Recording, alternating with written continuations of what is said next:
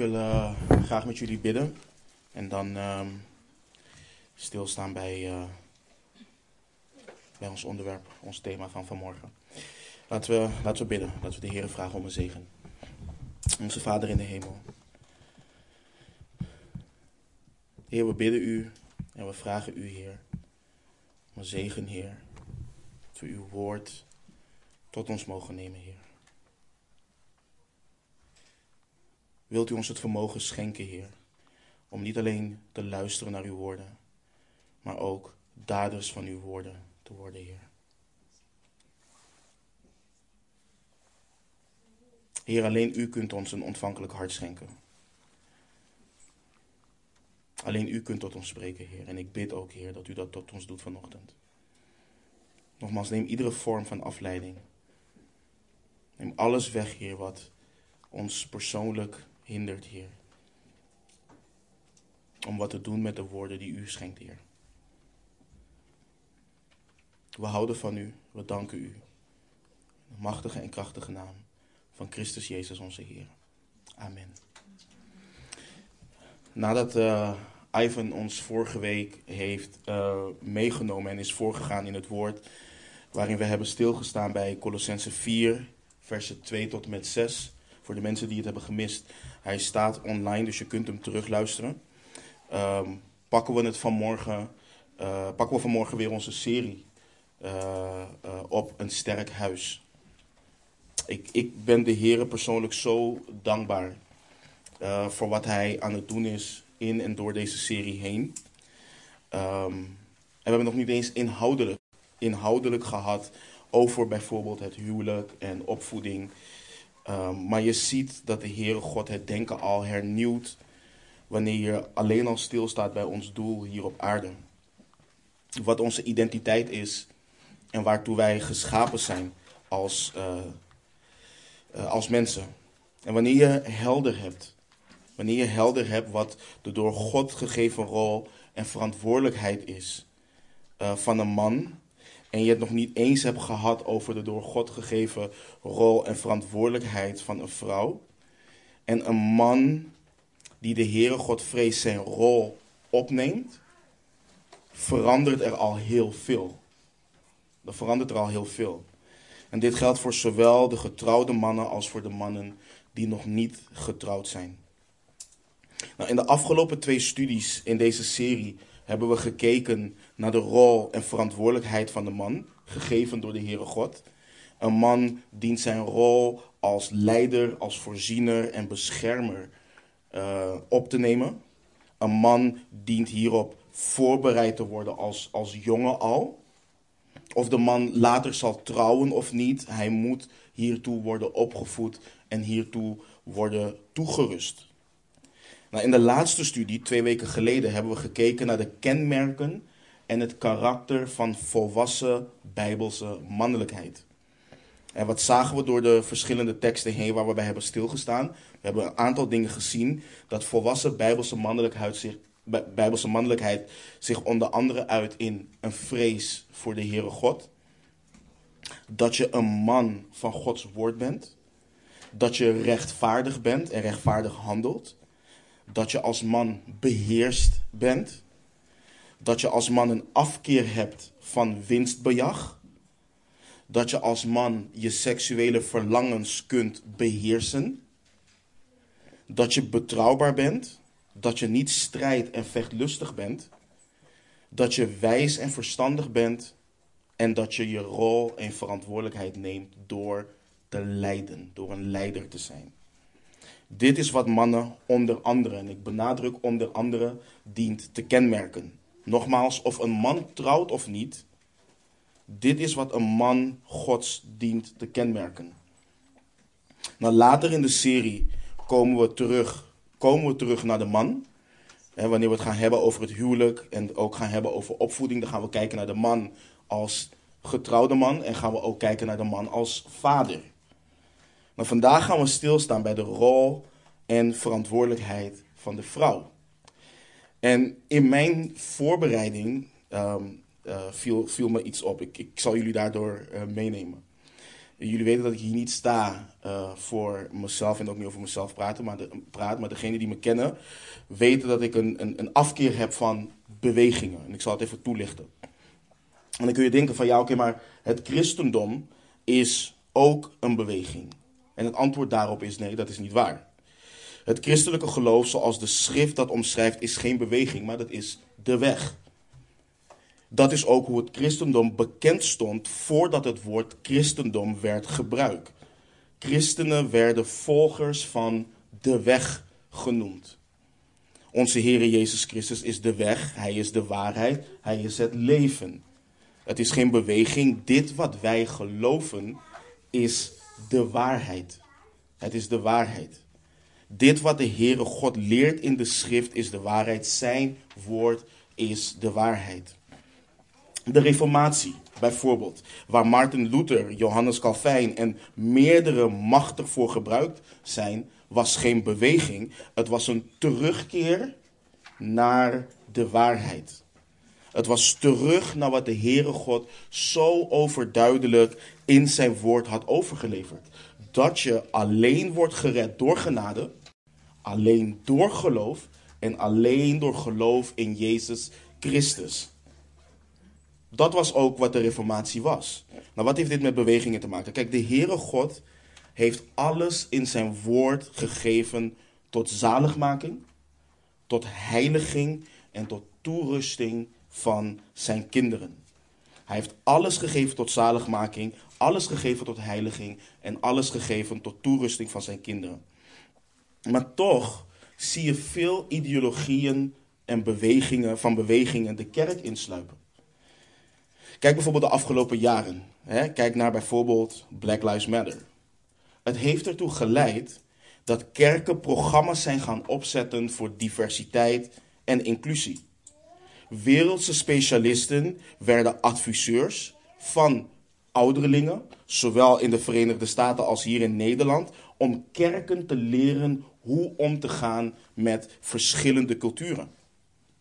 Terwijl als je handelingen leest, als je de brieven van de apostel Paulus aan de heidense kerken leest, dan zie je dat het evangelie dwars door culturen heen gaat. Je hebt daar geen programma voor nodig. Het gaat dwars door culturen heen en de Heilige Geest stort liefde uit in de harten van broeders en zusters voor elkaar. Deze beweging om discriminatie aan te pakken in de kerk heeft veel schade in kerken aangericht. Een andere beweging, en die is veel relevanter als voorbeeld voor onze studie van vandaag, is het feminisme. Het feminisme heeft een gigantisch aandeel in het aantal scheidingen tussen man en vrouw in de kerk. Het feminisme heeft een gigantisch aandeel in de opmars van homoseksualiteit en lesbianisme in de kerk. Het feminisme heeft een gigantisch aandeel in scheuringen in de kerk. En dat komt omdat er zelfs een tak is wat christelijke feminisme wordt genoemd en de schrift ook door die lens wordt geïnterpreteerd. Christelijke feminisme wordt ook wel eens gelijkheidsfeminisme genoemd. En er zijn veel vrouwen die zichzelf christen noemen, maar zichzelf ook feministen noemen. En de vraag is of dat kan. En ik zal kort in het antwoord zijn nee. Nee, het kan niet. Let op de, eh, de definitie die ik heb gevonden van christelijke feminisme en gelijkheidsfeminisme. Ik citeer. Christelijke feminisme en feministische theologie streeft naar het bevorderen van gelijkheid, rechtvaardigheid en bevrijding van vrouwen door te strijden tegen onderdrukkende mannelijke machtssystemen en overheersing. Het richt zich op het bereiken van gelijkheid tussen mannen en vrouwen op alle gebieden inclusief thuis, werk, kerk en openbaar recht. Ik herhaal hem. Christelijke feminisme en feministische theologie streeft naar het bevorderen van gelijkheid, rechtvaardigheid en bevrijding van vrouwen door te strijden tegen onderdrukkende mannelijke machtssystemen en overheersing. Het richt zich op het bereiken van gelijkheid tussen mannen en vrouwen op alle gebieden, inclusief thuis, werk, kerk en openbaar recht. Einde citaat. Kijk, wanneer ik feminisme bestudeer en, en in de kern zie wat het is, geloof ik dat het een demonische ideologie is, wat zich verzet tegen alles wat de Heere God in zijn almacht heeft bepaald. En het valt mij op, dat is waarmee ik begon, het valt mij op dat mannen in de kerk niet meer durven te praten over wat de Heere God zegt over het zijn van een vrouw. Ik gaf net bijvoorbeeld het voorbeeld van Black Lives Matter. Wat is een van de argumenten daarin? Jij hebt geen donkere huidskleur. Jij weet niet hoe het voelt om onderdrukt te zijn. Jij hebt dus geen inbreng in deze discussie. Als je niet voor ons bent en je laat horen voor ons, dan ben je tegen ons. Hetzelfde geldt ook voor de hele strijd en discussie, bijvoorbeeld rondom abortus. Het argument is daar: het is het lichaam van een vrouw, dus een man heeft geen inbreng in deze discussie. En hetzelfde geldt dus ook voor feminisme. Je bent geen vrouw. En je kent de strijd van een vrouw niet. Je kent de onderdrukking van een vrouw niet. Dus als je niet voor ons bent en voor ons opkomt, dan ben je tegen ons. Nou, wat is hier het resultaat van? Onder andere in heel veel gemeenten. Wanneer het gaat over bijbelse mannelijkheid, dan mag er vanaf de kansel over gesproken worden. De man mag dat doen. Wanneer het gaat over bijbelse vrouwelijkheid, dan moet het tijdens de vrouwensamenkomsten besproken worden, want een man mag er niet over praten. Dit gebeurt in kerken. Dit gebeurt in kerken. En wanneer mannen er wel over spreken, dan hoor je allerlei excuses vanuit mannen, sympathie en het verzachten van de waarheid. Maar broeders en zusters, net zoals we de afgelopen weken hebben gehad over de mannen, zo gaan we het vandaag en volgende week ook gewoon hebben en de weken daarna over de vrouwen. Ik verontschuldig me niet voor wat er in de schrift staat. Ik doe dat niet. Ik verontschuldig me niet voor wat de Heere God in zijn soevereiniteit heeft bepaald. Zo zegt de Heere Heere en zo spreekt zijn dienaar. Wij die gekocht zijn, zij, wij die kinderen zijn kinderen zijn, wij dienen met zachtmoedigheid het in ons geplante woord ontvangen. Dus ik roep daarom iedere zuster vanmorgen op. Als jij je identificeert als discipel van de Heer Jezus en je ook identificeert als een feminist, bekeer je. Bekeer je en onderschik je aan het woord van de Heere God. Er bestaat niet zoiets als een christelijke feminist. Er bestaat niet zoiets als feministische theologie en geloven dat je trouw bent aan de Heer. Het bestaat niet. Dit gezegd hebbende, laten we kijken naar bijbelse vrouwelijkheid. Nou, in onze introductie van bijbelse mannelijkheid en vrouwelijkheid hebben we een definitie van de kern van bijbelse mannelijkheid en vrouwelijkheid um, heb ik gegeven. Ik zal ze beide weer citeren. Bijbelse mannelijkheid is in de kern je door God gegeven verantwoordelijkheid als man nemen om gedreven door goddelijke liefde te leiden, te voorzien en om te beschermen op een wijze waarop de vrouw die de helper is, haar eer ontvangt en haar door God gegeven rol in waardigheid kan vervullen tot eer en glorie van de levende God.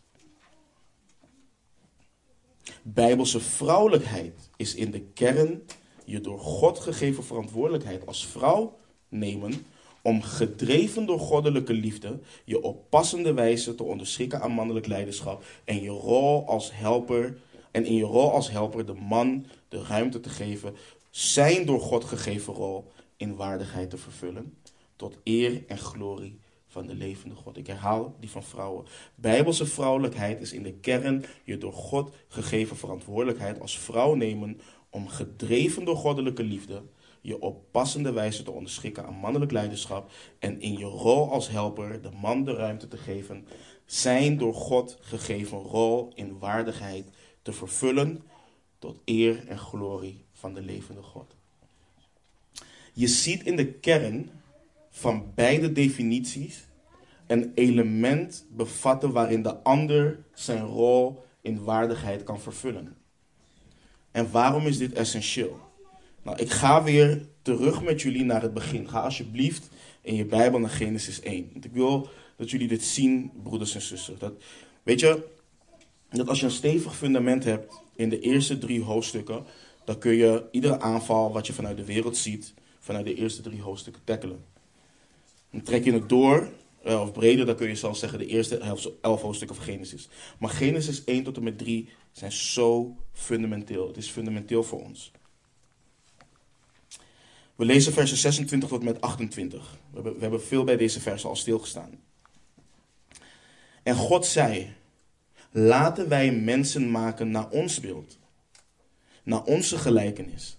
En laten zij heersen over de vissen van de zee, over de vogels in de lucht, over het vee, over heel de aarde en over al de kruipende dieren die over de aarde kruipen.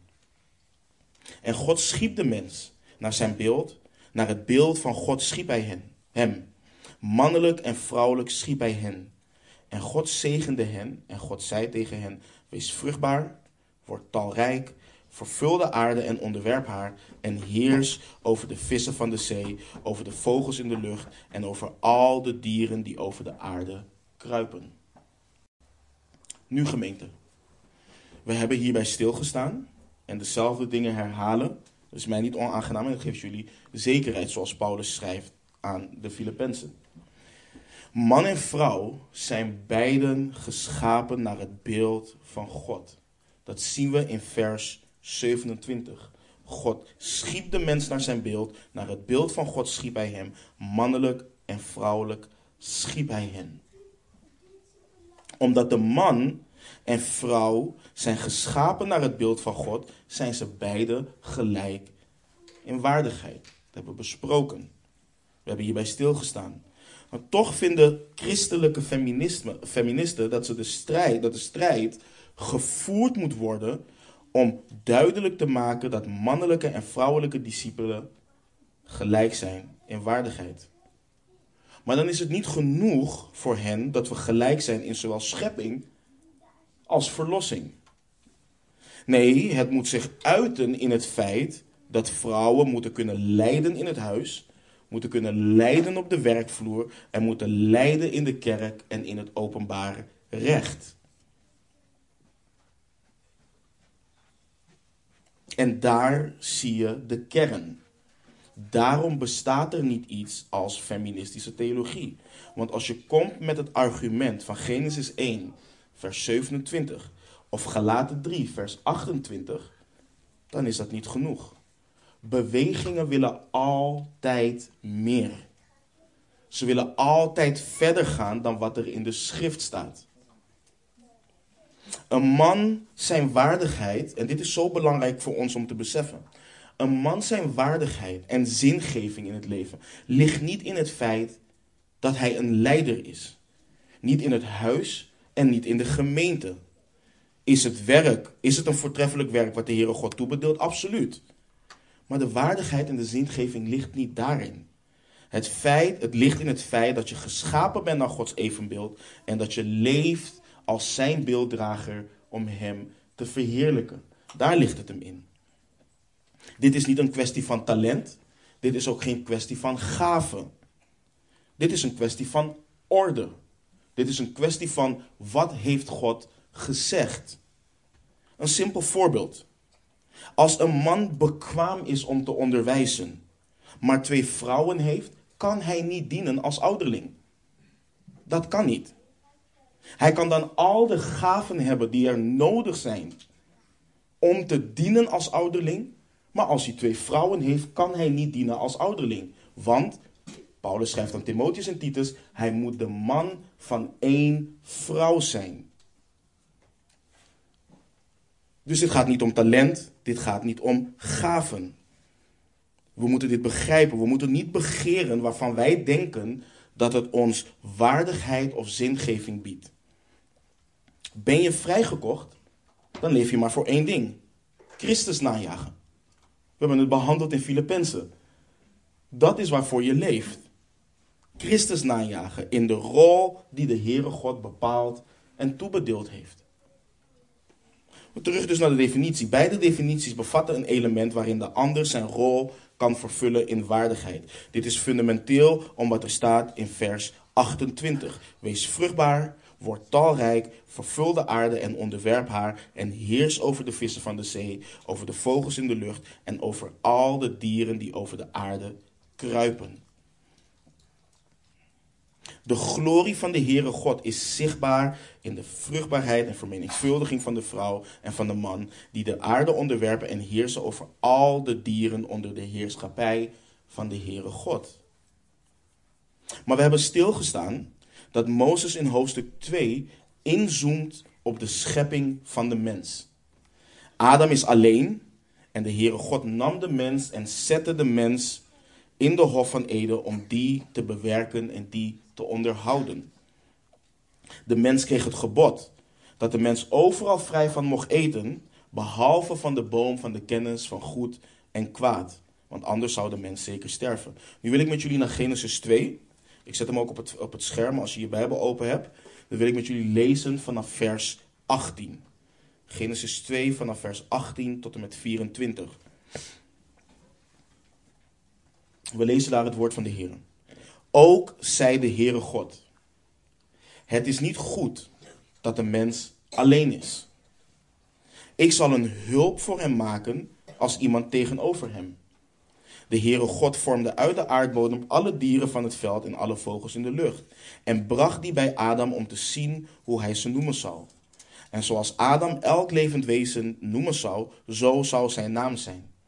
Zo gaf Adam namen aan al het vee en aan, al, en aan de vogels in de lucht en aan alle dieren van het veld. Maar voor de mens vond hij geen hulp als iemand tegenover hem. Toen liet de Heere God een diepe slaap op Adam vallen, zodat hij in slaap viel. En hij nam een van zijn ribben en sloot de plaats ervan toe met vlees. En de Heere God bouwde de rib die hij uit Adam genomen had tot een vrouw en hij bracht haar bij Adam. Toen zei Adam, deze is ditmaal been van mijn beenderen en vlees van mijn vlees. Deze zal manin genoemd worden, want uit de man is zij genomen. Daarom zal een man zijn vader en zijn moeder verlaten en zich aan zijn vrouw hechten en zij zullen tot één vlees zijn. Dus we hebben hierbij stilgestaan. Adam kon in zijn eentje geen gehoor geven aan de opdracht om vruchtbaar te zijn en talrijk te worden. En sommigen laten het tot daar. Maar ik geloof dat het uitstrekt tot het hele gebod. Om de aarde te onderwerpen en te heersen over al wat de Heere God heeft gemaakt. Over al wat de Heere God heeft gemaakt. Dus wat zegt de Heere God? Het is niet goed. Het is niet goed dat de mens alleen is. Het is niet goed dat Adam alleen is. Hij zal voor Adam een hulp voor hem maken als iemand tegenover hem. En hier wordt het spannend. Hier wordt het een probleem voor velen. Het wordt hulp. Het wordt hulp.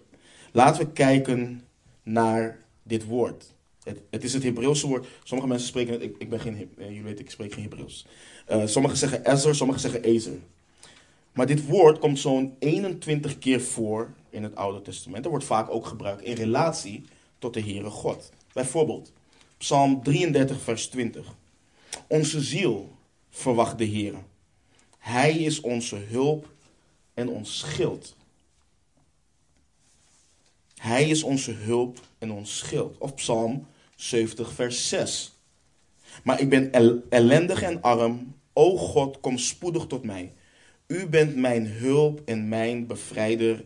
Heere, wacht niet langer. Psalm 115, vers 9 tot en met 11 zijn ook mooie. Israël, vertrouw op de Heer. Hij is hun hulp en hun schild. Huis van Aaron, vertrouw op de Heer. Hij is hun hulp en hun schild. U die de Heere vreest, vertrouw op de Heer. Hij is hun hulp en schild. Nu gaan sommigen te ver en zeggen dat de vrouw dan de redder is van de man. Dit is wat de tekst ons leert. Ja, de Heere God is onze hulp. Hij is onze verlosser. Hij is ons schild. Maar we moeten wat we in Genesis 2 lezen, in context lezen. Wat staat er wanneer Adam de dieren hun naam geeft? Genesis 2, vers 20. Zo gaf Adam namen aan al het vee en aan de vogels in de lucht en aan alle dieren van het veld. Maar voor de mens vond hij geen hulp als iemand tegenover hem. Nou, dit leert ons niet dat Adam op zoek was naar een dier die zijn redder of zijn verlosser kon zijn. Dat is niet wat de tekst leert. Wat het ons leert is het volgende. In de dieren vond Adam geen die geschikt was als een partner. Geen. Als hulp. Iemand die samen met hem gehoor kon geven aan wat we in Genesis 1, vers 28 lazen. De nadruk ligt hier op iemand die zijn partner kan zijn. Iemand die verenigbaar is met hem. In het Engels zeggen we compatible. Iemand die compatible is met hem. Daarom is wat er staat als iemand tegenover hem zo cruciaal. Het is fundamenteel. Adam was niet compleet. De Heere God zag het. En de Heere God wist, wist wat Adam nodig had. Dus wanneer Adam in een diepe slaap valt en de Heere God uit zijn zij een vrouw vormt en de vrouw bij Adam brengt, zegt Adam terecht. Deze is ditmaal been van mijn beenderen en vlees van mijn vlees. Deze zal manin genoemd worden, want uit de man is zij genomen. Zij lijkt op mij. Zij is uit mij genomen, zegt Adam. Zij is been van mijn beenderen en vlees van mijn vlees. Maar nu krijg je ook waar we eerder bij hebben stilgestaan. En broeders en zusters, we gaan hier vaker op terugkomen in onze serie. Bij deze tekst. Maar het is echt fundamenteel. Let op Genesis 2, vers 24. Daarom zal een man zijn vader en zijn moeder verlaten en zich aan zijn vrouw hechten. En ze zullen tot één vlees zijn. Nou, ik zei het bij de mannen en ik zeg het nu ook bij de vrouwen. Wat de Heere God wilt, is dat uit een gezin een meisje opgroeit tot een vrouw en dat een man zijn vader en zijn moeder verlaat, zich hecht aan de vrouw die God hem gegeven heeft en dat zij één vlees worden, dat zij een nieuw gezin worden. Dat zij een nieuw huis worden. Waarom is dit voor ons als discipelen belangrijk?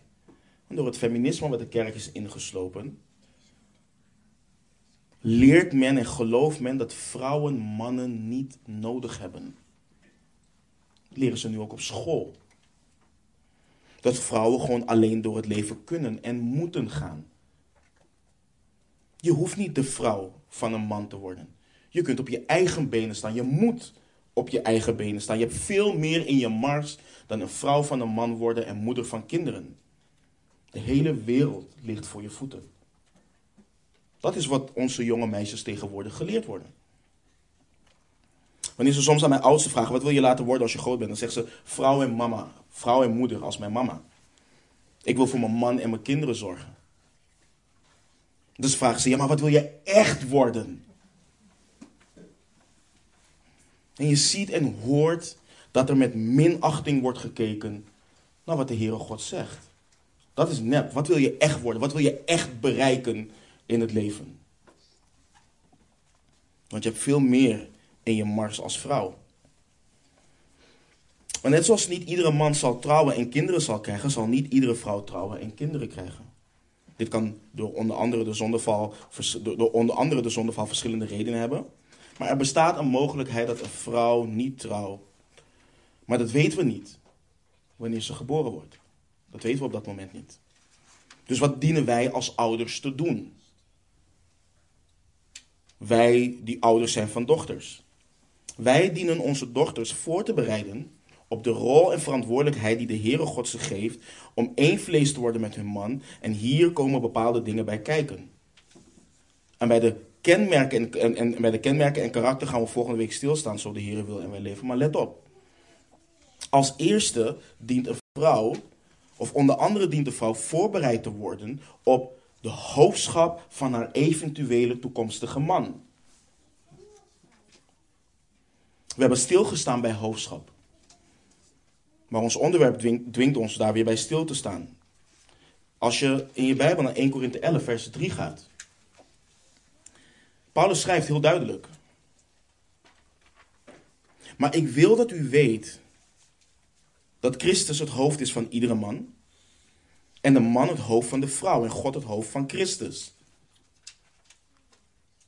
Dit is geen theologie verzonnen door, door mensen. Dit is niet pas in de 19e of 20e eeuw gekomen. Dit staat gewoon in het woord van God. Waar we wel voor moeten waken is dit, en ik heb dit al eerder gezegd, en de schrift leert ons dit ook. De man is niet hoofd van iedere vrouw. De man is niet het hoofd van iedere vrouw. Een vrouw dient niet geleerd te worden dat iedere man die rondloopt op aarde hoofdschap kan uitvoeren over haar. Want dat is niet wat de Bijbel ons leert. Let bijvoorbeeld op, op Efeze 5, vers 22 tot met 24. We gaan hierbij stilstaan wanneer we onder andere naar het huwelijk gaan kijken. Maar let op wat Paulus schrijft. Vrouwen, wees uw eigen mannen onderdanig, zoals aan de Heer. Want de, man is het hoofd, want de man is hoofd van de vrouw, zoals ook Christus hoofd van de gemeente is. En hij is de behouder van het lichaam. Daarom, zoals de gemeente aan Christus onderdanig is, zo behoren ook de vrouwen in alles hun eigen mannen onderdanig te zijn. Hun eigen mannen. Hoofdschap is niet universeel. Een man kan niet rondgaan in de gemeente en zeggen: luister, ik ben de man, ik ben, ik ben het hoofd hier en je dient, naar mij, je, je, je dient te onderschikken aan mij. Dat is niet hoe het werkt. De man die dat doet, zoals we hebben stilgestaan bij de rol en verantwoordelijkheid van, van de man, die heeft niet begrepen dat hij niet soeverein is als leider. De enige die soeverein is, is de Heere God. En de man zijn leiderschap is gebonden en beperkt door het leiderschap van de Heere God.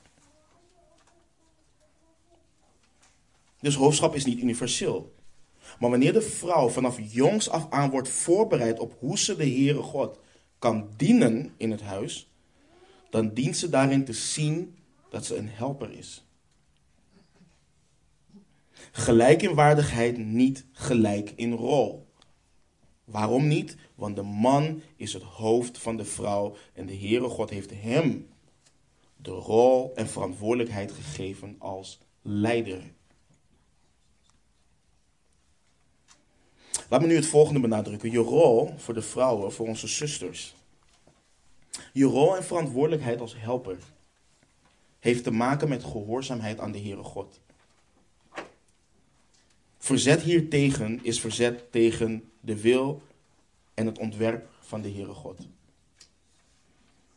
Let, goed, let weer goed op wat er staat in Genesis 2, vers 18.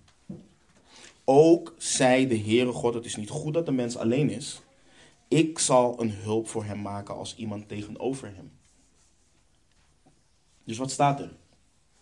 Wie zei dat hij een hulp zal maken voor de man als iemand die tegenover hem? Niet de apostel Paulus, niet Mozes. Niet een man die graag een vrouw onder de duim heeft. Er staat, ook zij de Heere God. Ook zij de Heere God. Het is niet goed dat de mens alleen is. Ik zal een hulp voor hem maken als iemand tegenover hem. En weet je, gemeente luister, ik heb mensen hun best zien doen, hun uiterste best. Alles zien geven om dit te ontkrachten. Alles. Boeken van 500 pagina's geschreven.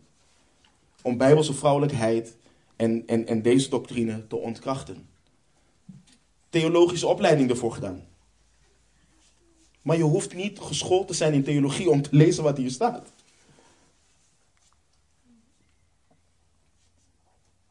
Er staat letterlijk dat de Heere God zei: Er is niemand die met een rein geweten kan zeggen dat hij of zij in de inspiratie, de onfeilbaarheid, de toereikendheid en de autoriteit van de schrift gelooft en zich verzet tegen de doctrine van hoofdschap en het feit dat een man en vrouw niet gelijk zijn in, rol. Er is niemand die met een rein geweten kan zeggen dat hij of zij gelooft dat de Heere God alles heeft geboden en bepaald in zijn soevereiniteit, in zijn rechtvaardigheid, in zijn alwetendheid, in zijn macht, in al zijn goedheid, in zijn liefde, genade, barmhartigheid en heiligheid en rebelleert tegen de doctrine van hoofdschap en het feit dat een man en vrouw niet gelijk zijn in rol. Dat bestaat niet. In het ontwerp van de Heere God hebben man en vrouw elkaar nodig om vruchtbaar te zijn, om talrijk te worden en de aarde te vervullen. Ze hebben elkaar daarin nodig. In het ontwerp van de Heere God hebben man en vrouw elkaar nodig en vullen ze elkaar aan om de aarde te onderwerpen en te heersen over de vissen van de zee, over de vogels in de lucht en over al de dieren die over de aarde kruipen. Ze hebben elkaar daarin nodig. Dit was voor de val, dit was na de val en zelfs na het zaligmakende werk van de Heer Jezus Christus. En wat vrouwen en mannen ook verkeerd zijn gaan zien, omdat de kerk dit niet onderwijst, zoals de kerk dit hoort te onderwijzen, en niet de rol als zaal en fundament van de waarheid op zich neemt. Mensen zijn gaan onderwijzen dat het enige recht van de vrouw het aanrecht is. Maar dat is niet wat de Bijbel ons leert. De Bijbel leert ons dat niet. Een vrouw als hulp is geen slaaf. Een vrouw als hulp is geen voetveeg. Een vrouw als hulp is niet dat mannen hun ding buiten huis kunnen gaan doen en dat vrouwen maar thuis zitten met de kinderen en het huishouden. Of dat de opvoeding van de kinderen volledig de zorg is van een vrouw. Maar we zien het in en door, en we zien door, door, door de schrift, we zien het doorheen, dat mannen en vrouwen beiden de zorg dragen voor kinderen. Dat niet alleen vrouwen geen carrières moeten najagen, maar dat mannen dat ook niet horen te doen. Het is makkelijk om te zeggen: nee, nee, nee, vrouwen moeten geen carrières najagen. Een man ook niet. Een man dient gewoon te werken om zijn gezin te voorzien in hetgeen wat ze nodig hebben. Maar je hoeft geen wereldse carrière na te jagen. Maar wat zie je wel door de schrift heen? Je ziet de verzorgende natuur van de vrouw continu door de schrift heen. Anders dan bij de man. Let op Jesaja 49 vers 15. Kan een vrouw haar zuigeling vergeten? Zich niet ontfermen over het kind van haar schoot? Zelf, zelfs als zouden die het vergeten, ik zal u niet vergeten. Kijk naar Jesaja 66 vers 13. Zoals iemands moeder hem troost, zo zal ik u troosten. Ja, in Jeruzalem zult u getroost worden. Betekent dit dan dat een man niet kan troosten? Nee, dat is niet wat het betekent. Maar het leert dat dit kenmerkend is voor een moeder, voor een vrouw. De Heer Jezus zegt in Matthäus 23, vers 37: Jeruzalem, Jeruzalem, u die de profeten dood en stenigt, wie naar u toegezonden zijn, hoe vaak heb ik uw kinderen bijeen willen brengen op de wijze waarop een hen haar kuikens bijeenbrengt onder haar vleugels. Maar u hebt niet gewild. In 1 Thessalonicensen 2, vers 7 schrijft Paulus op een prachtig metafoor. Maar wij zijn in uw midden vriendelijk geweest, zoals een voedster haar kinderen koestert. Continu zie je dit door de schrift heen. En ja, je ziet overal in de schrift, zowel mannen als vrouwen horen te strijden, mannen en vrouwen horen te verzorgen, etc. Maar je ziet dat dit kenmerkend is voor de vrouw in haar rol en in haar verantwoordelijkheid. En dit gaat verder dan alleen je familie thuis. Dit gaat ook door en gaat verder in je kerkfamilie. Let op hoe Paulus het omschrijft in Titus 2, hele bekende versen. Titus 2, vers 3 tot en met 5. Hoe vrouwen zich moeten ontfermen over elkaar. Evenzo moeten de oudere vrouwen in hun gedrag zijn zoals het heiligen past.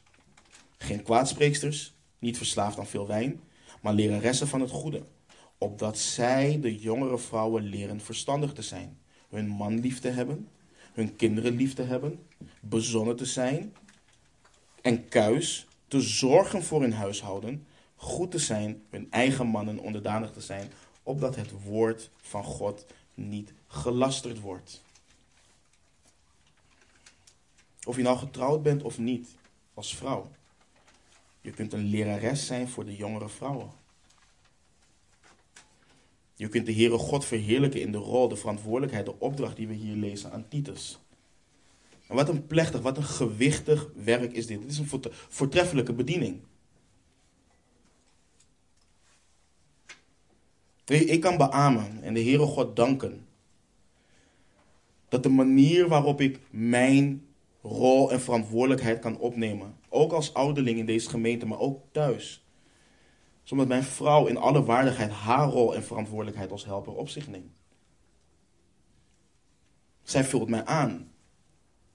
En ik leid ons huis in de geestelijke beslissingen, ook praktische beslissingen die we nemen. Maar we verzorgen samen onze kinderen. Dat doen we samen. Maar zij heeft daarin bepaalde eh, verantwoordelijkheden en een bepaalde rol die ik niet heb. En ik heb bepaalde verantwoordelijkheden en een bepaalde rol die zij niet heeft. En daarin vullen wij elkaar aan als man en vrouw. En nu wil ik een belangrijke vraag beantwoorden. Is een vrouw, want het is een vraag die ook veel gesteld wordt, is een vrouw minder waardig, kan zij minder doen als zij niet getrouwd is of als haar man niet de leiding neemt zoals de Heere God dat wil van mannen? Bijvoorbeeld, stel je bent als vrouw getrouwd met een ongelovige man. Nee, ze is niet meer minderwaardig. Je bent geschapen naar het beeld van de Heere God. Je bent verlost door de Heere Jezus Christus. Punt uit, amen. Dat is het. Dat is het. Je kan nog steeds dienen. We zagen net in Titus 2, vers 3 tot met 5. Hoe ze nog steeds haar rol kan oppakken. Hoe ze nog steeds kan dienen. Wat ik net al zei, we hebben gezien in Genesis 1 dat ze waardig is in het feit dat ze alleen al naar het beeld van, van de Heere God geschapen is. En dat geldt ook voor vrouwen die om wellicht medische redenen niet in staat zijn om kinderen te krijgen. Die strijd is zwaar. Die strijd is hard. En je ziet vaak in de schrift ook dat vrouwen zich onwaardig voelden toen ze geen kinderen hadden. Dat het een smet was, een reden voor schaamte. En dan zal een vrouw misschien zeggen: Ja, maar je weet niet hoe het voelt op het volgende wat ik ga zeggen. Maar het neemt je waardigheid niet af. Je bent een vrouw omdat de Heere God jouw vrouw heeft gemaakt met het lichaam van een vrouw. Je bent niet pas vrouw wanneer je getrouwd bent. Je bent niet pas vrouw wanneer je een kind hebt. In de moederschoot heeft de Heere God je al tot vrouw gemaakt. En wat er ook gebeurt in je leven, je zal vrouw blijven omdat de Heere God je zo heeft gemaakt.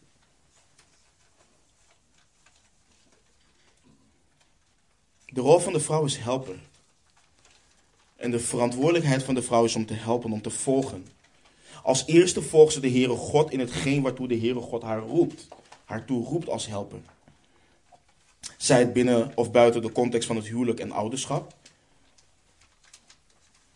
Binnen de context van het huwelijk onderschikt zij zich aan haar man. En daar gaan we het over een paar weken over hebben. En buiten het huwelijk dient ze de Heere God in haar omgeving, in de gemeente, in het openbaar recht. Zoals Hij dat goed acht en zoals Hij dat geboden heeft in en door zijn woord. Niet zoals de maatschappij en de cultuur van dat moment het bepaalt. Maar zoals de Heere God onveranderlijk heeft bepaald.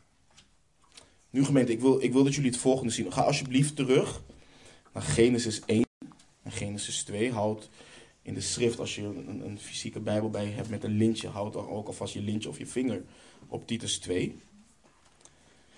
Ik heb ze op het scherm. Ik wilde ze eigenlijk onder elkaar zetten, maar dat is me niet gelukt. Genesis 2, vers 18. Let op wat er staat. Hè? Ik heb hem net al gelezen, maar nog een keer. Ook zei de Heere God: Het is niet goed dat een mens alleen is. Ik zal een hulp voor hem maken als iemand tegenover hem. Hier is de vrouw nog niet gemaakt. Het is niet goed. Het is nog niet goed. Hier is de vrouw nog niet gemaakt.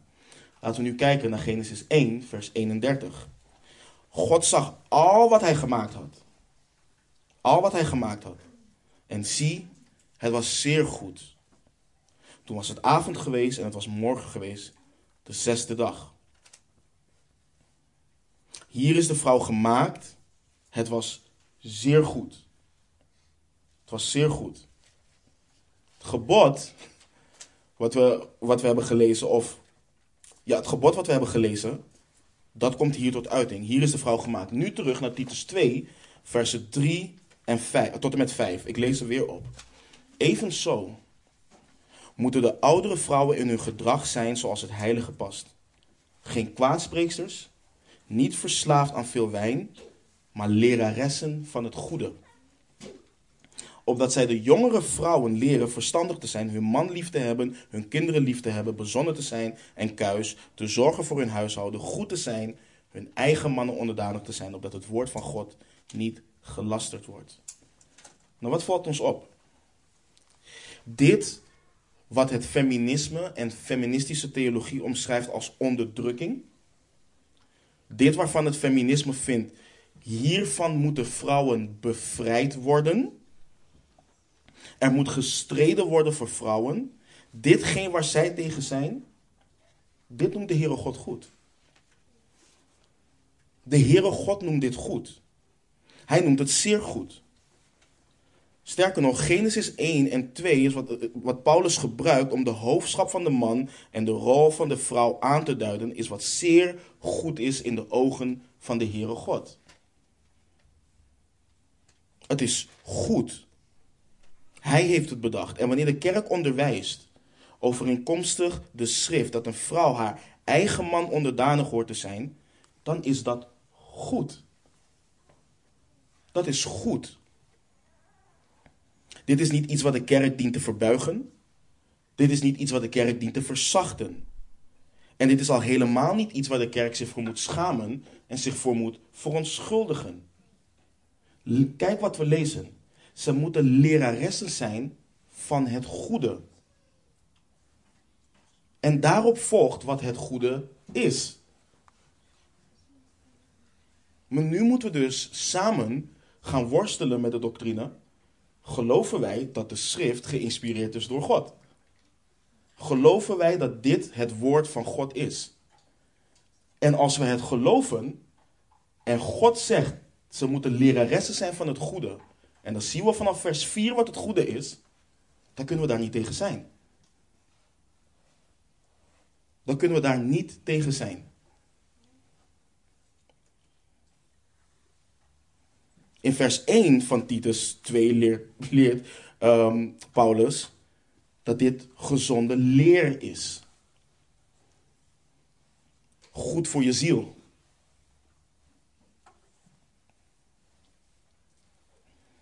En net zoals bij de mannen wil ik benadrukken dat dit een door God gegeven rol, een door God gegeven verantwoordelijkheid is aan vrouwen. Dit is het. De Heere God vraagt je niet om je mening. Hij vraagt je niet om je goedkeuring. Hij vraagt niet om je excuses en allerlei redenen waarom je niet doet wat je hoort te doen. Hij roept je op tot gehoorzaamheid. Dat is wat hij doet. Hij roept je op tot gehoorzaamheid. Weet je, wij, wij, wij hebben een, een, een ding, vooral in het Westen. Ik hoor het veel in Nederlandse kerken, maar ook in Amerikaanse kerken hoor ik het veel. Is, ja, weet je, wij, wij, wij mogen dingen doen voor de Heer. Weet je, wij mogen dit, nee, dit mogen, nee, we moeten dit doen. Als wij discipelen zijn van de Heer, dienen we ons hier aan te onderschikken. Zo simpel is het. God is niet in, in, in van, oké, weet je wat, neem dit gedeelte maar. En het andere omdat je daar moeite mee hebt, weet je, vooruit dan maar. Nee, dit is goed. Dit is goed. En laat me jullie bemoedigen, zusters. Door de wedergeboorte, door de wedergeboorte woont de Heilige Geest in je. De Heere Jezus is de leidsman en voleinder van je geloof. Zijn geboden zijn geen zware last. De Heere God is goed en doet goed. Dat is wat de psalmist schrijft. Hij is goed en hij doet goed. En ook al zit het sinds de val in de vrouw om te willen heersen over de man, om te willen rebelleren tegen wat God heeft geboden, ben jij als wedergeboren discipel je vlees niets verplicht door de verlossing in Jezus Christus. Net zoals ik heb gezegd, twee weken geleden, dat een man zich seksueel moet kunnen beheersen omdat hij zijn vlees niets verplicht is, ben jij als vrouw je vlees ook niets verplicht als het gaat om het rebelleren hiertegen? Niet. Je hebt de geest van God die Christus uit de doden heeft opgewekt. Dat is de geest die in je woont. Al het oude is voorbij gegaan. Zie, alles is nieuw geworden. Je bent een nieuwe schepping. Dus die opstandige geest, die rebellerende gedachte, die moet je kruisigen. Je moet hem kruisigen. Dat is wat je moet doen. Luister naar de stem van je goede herder. Luister niet naar de stem van de wereld. Luister niet naar de stem van valse leraren. En luister niet naar de stem van die zogenaamde vrouwen die zich met hun bediening volledig richten op de toerusting van vrouwen. Ik heb die bediening allemaal gezien. En wat ze allemaal hebben is een feministische ondertoon en een feministische grondslag. Het draait om jou als vrouw. Nee, het draait niet om jou, het draait om Christus. Het draait om Christus. Laat je toerusten door de schrift. Laat je toerusten door de gemeente waar de Heere God je heeft geplaatst. En waar het woord van de Heere God zuiver zonder compromises en met vrees voor de Heere God wordt gepredikt. Je bent niet maar een hulp. Je bent niet maar een helper. Je bent een hulp overeenkomstig de wil van de Heere God. En zijn wil is goed, zijn wil is welbehagelijk, zijn wil is volmaakt.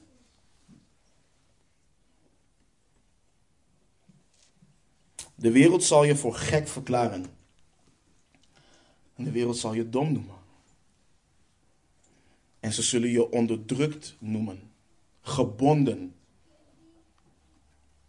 Maar weet dat als de zoon des mensen je vrijgemaakt heeft, je waarlijk vrij bent. Je bent waarlijk vrij.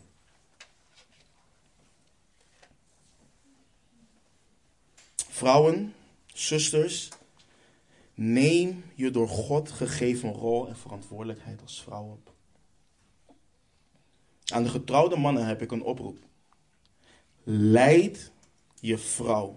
Rust haar toe en geef haar de ruimte om haar rol en verantwoordelijkheid als vrouw op zich te nemen.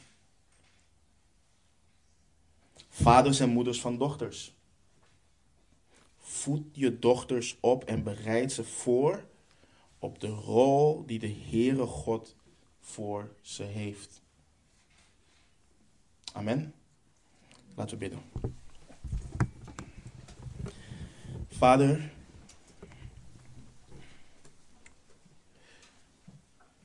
uw woord, Heer, gaat dwars door de culturele en maatschappelijke norm heen, Heer.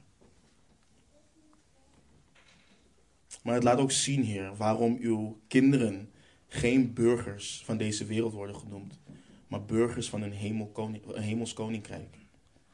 Wij zijn vreemdelingen hier op aarde, Heer.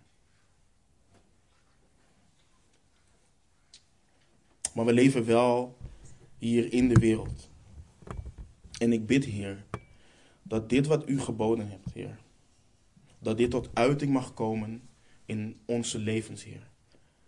Dat dit tot uiting mag komen in de levens van mijn zusters, Heer. Opdat uw woord niet gelasterd wordt. Opdat u verheerlijkt wordt. Opdat u ons toerust, Heer, als beelddragers.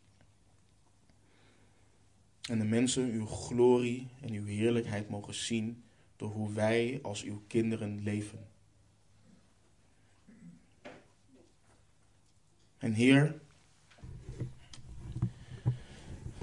het kan soms zo'n strijd zijn, Heer. En vooral voor de getrouwde zusters. Want wat als de man ongelovig is? Wat als de man ongehoorzaam is aan het woord? En ook daar heeft u in 1 Petrus 3 over geschreven, Heer. Dus ik bid en ik vraag u, Heer, in het bijzonder voor mijn zusters, om hen daarin toe te rusten. Ik bid u voor mijn zusters die alleenstaand zijn en ook kinderen moeten opvoeden, Heer. Dat u ook hen toerust in hun rol. En dat u hen kracht geeft. En dat u hen leidt, Heer.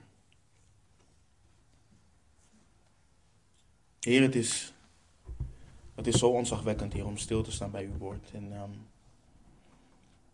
ik zie uit, Heer, ik zie uit naar hoe, uh, hoe dit tot uiting komt in de levens uh, van, uh, van mijn broeders en mijn zusters. We houden van u, we danken u, we loven u en prijzen u in de machtige naam van Christus Jezus onze Heer. Amen.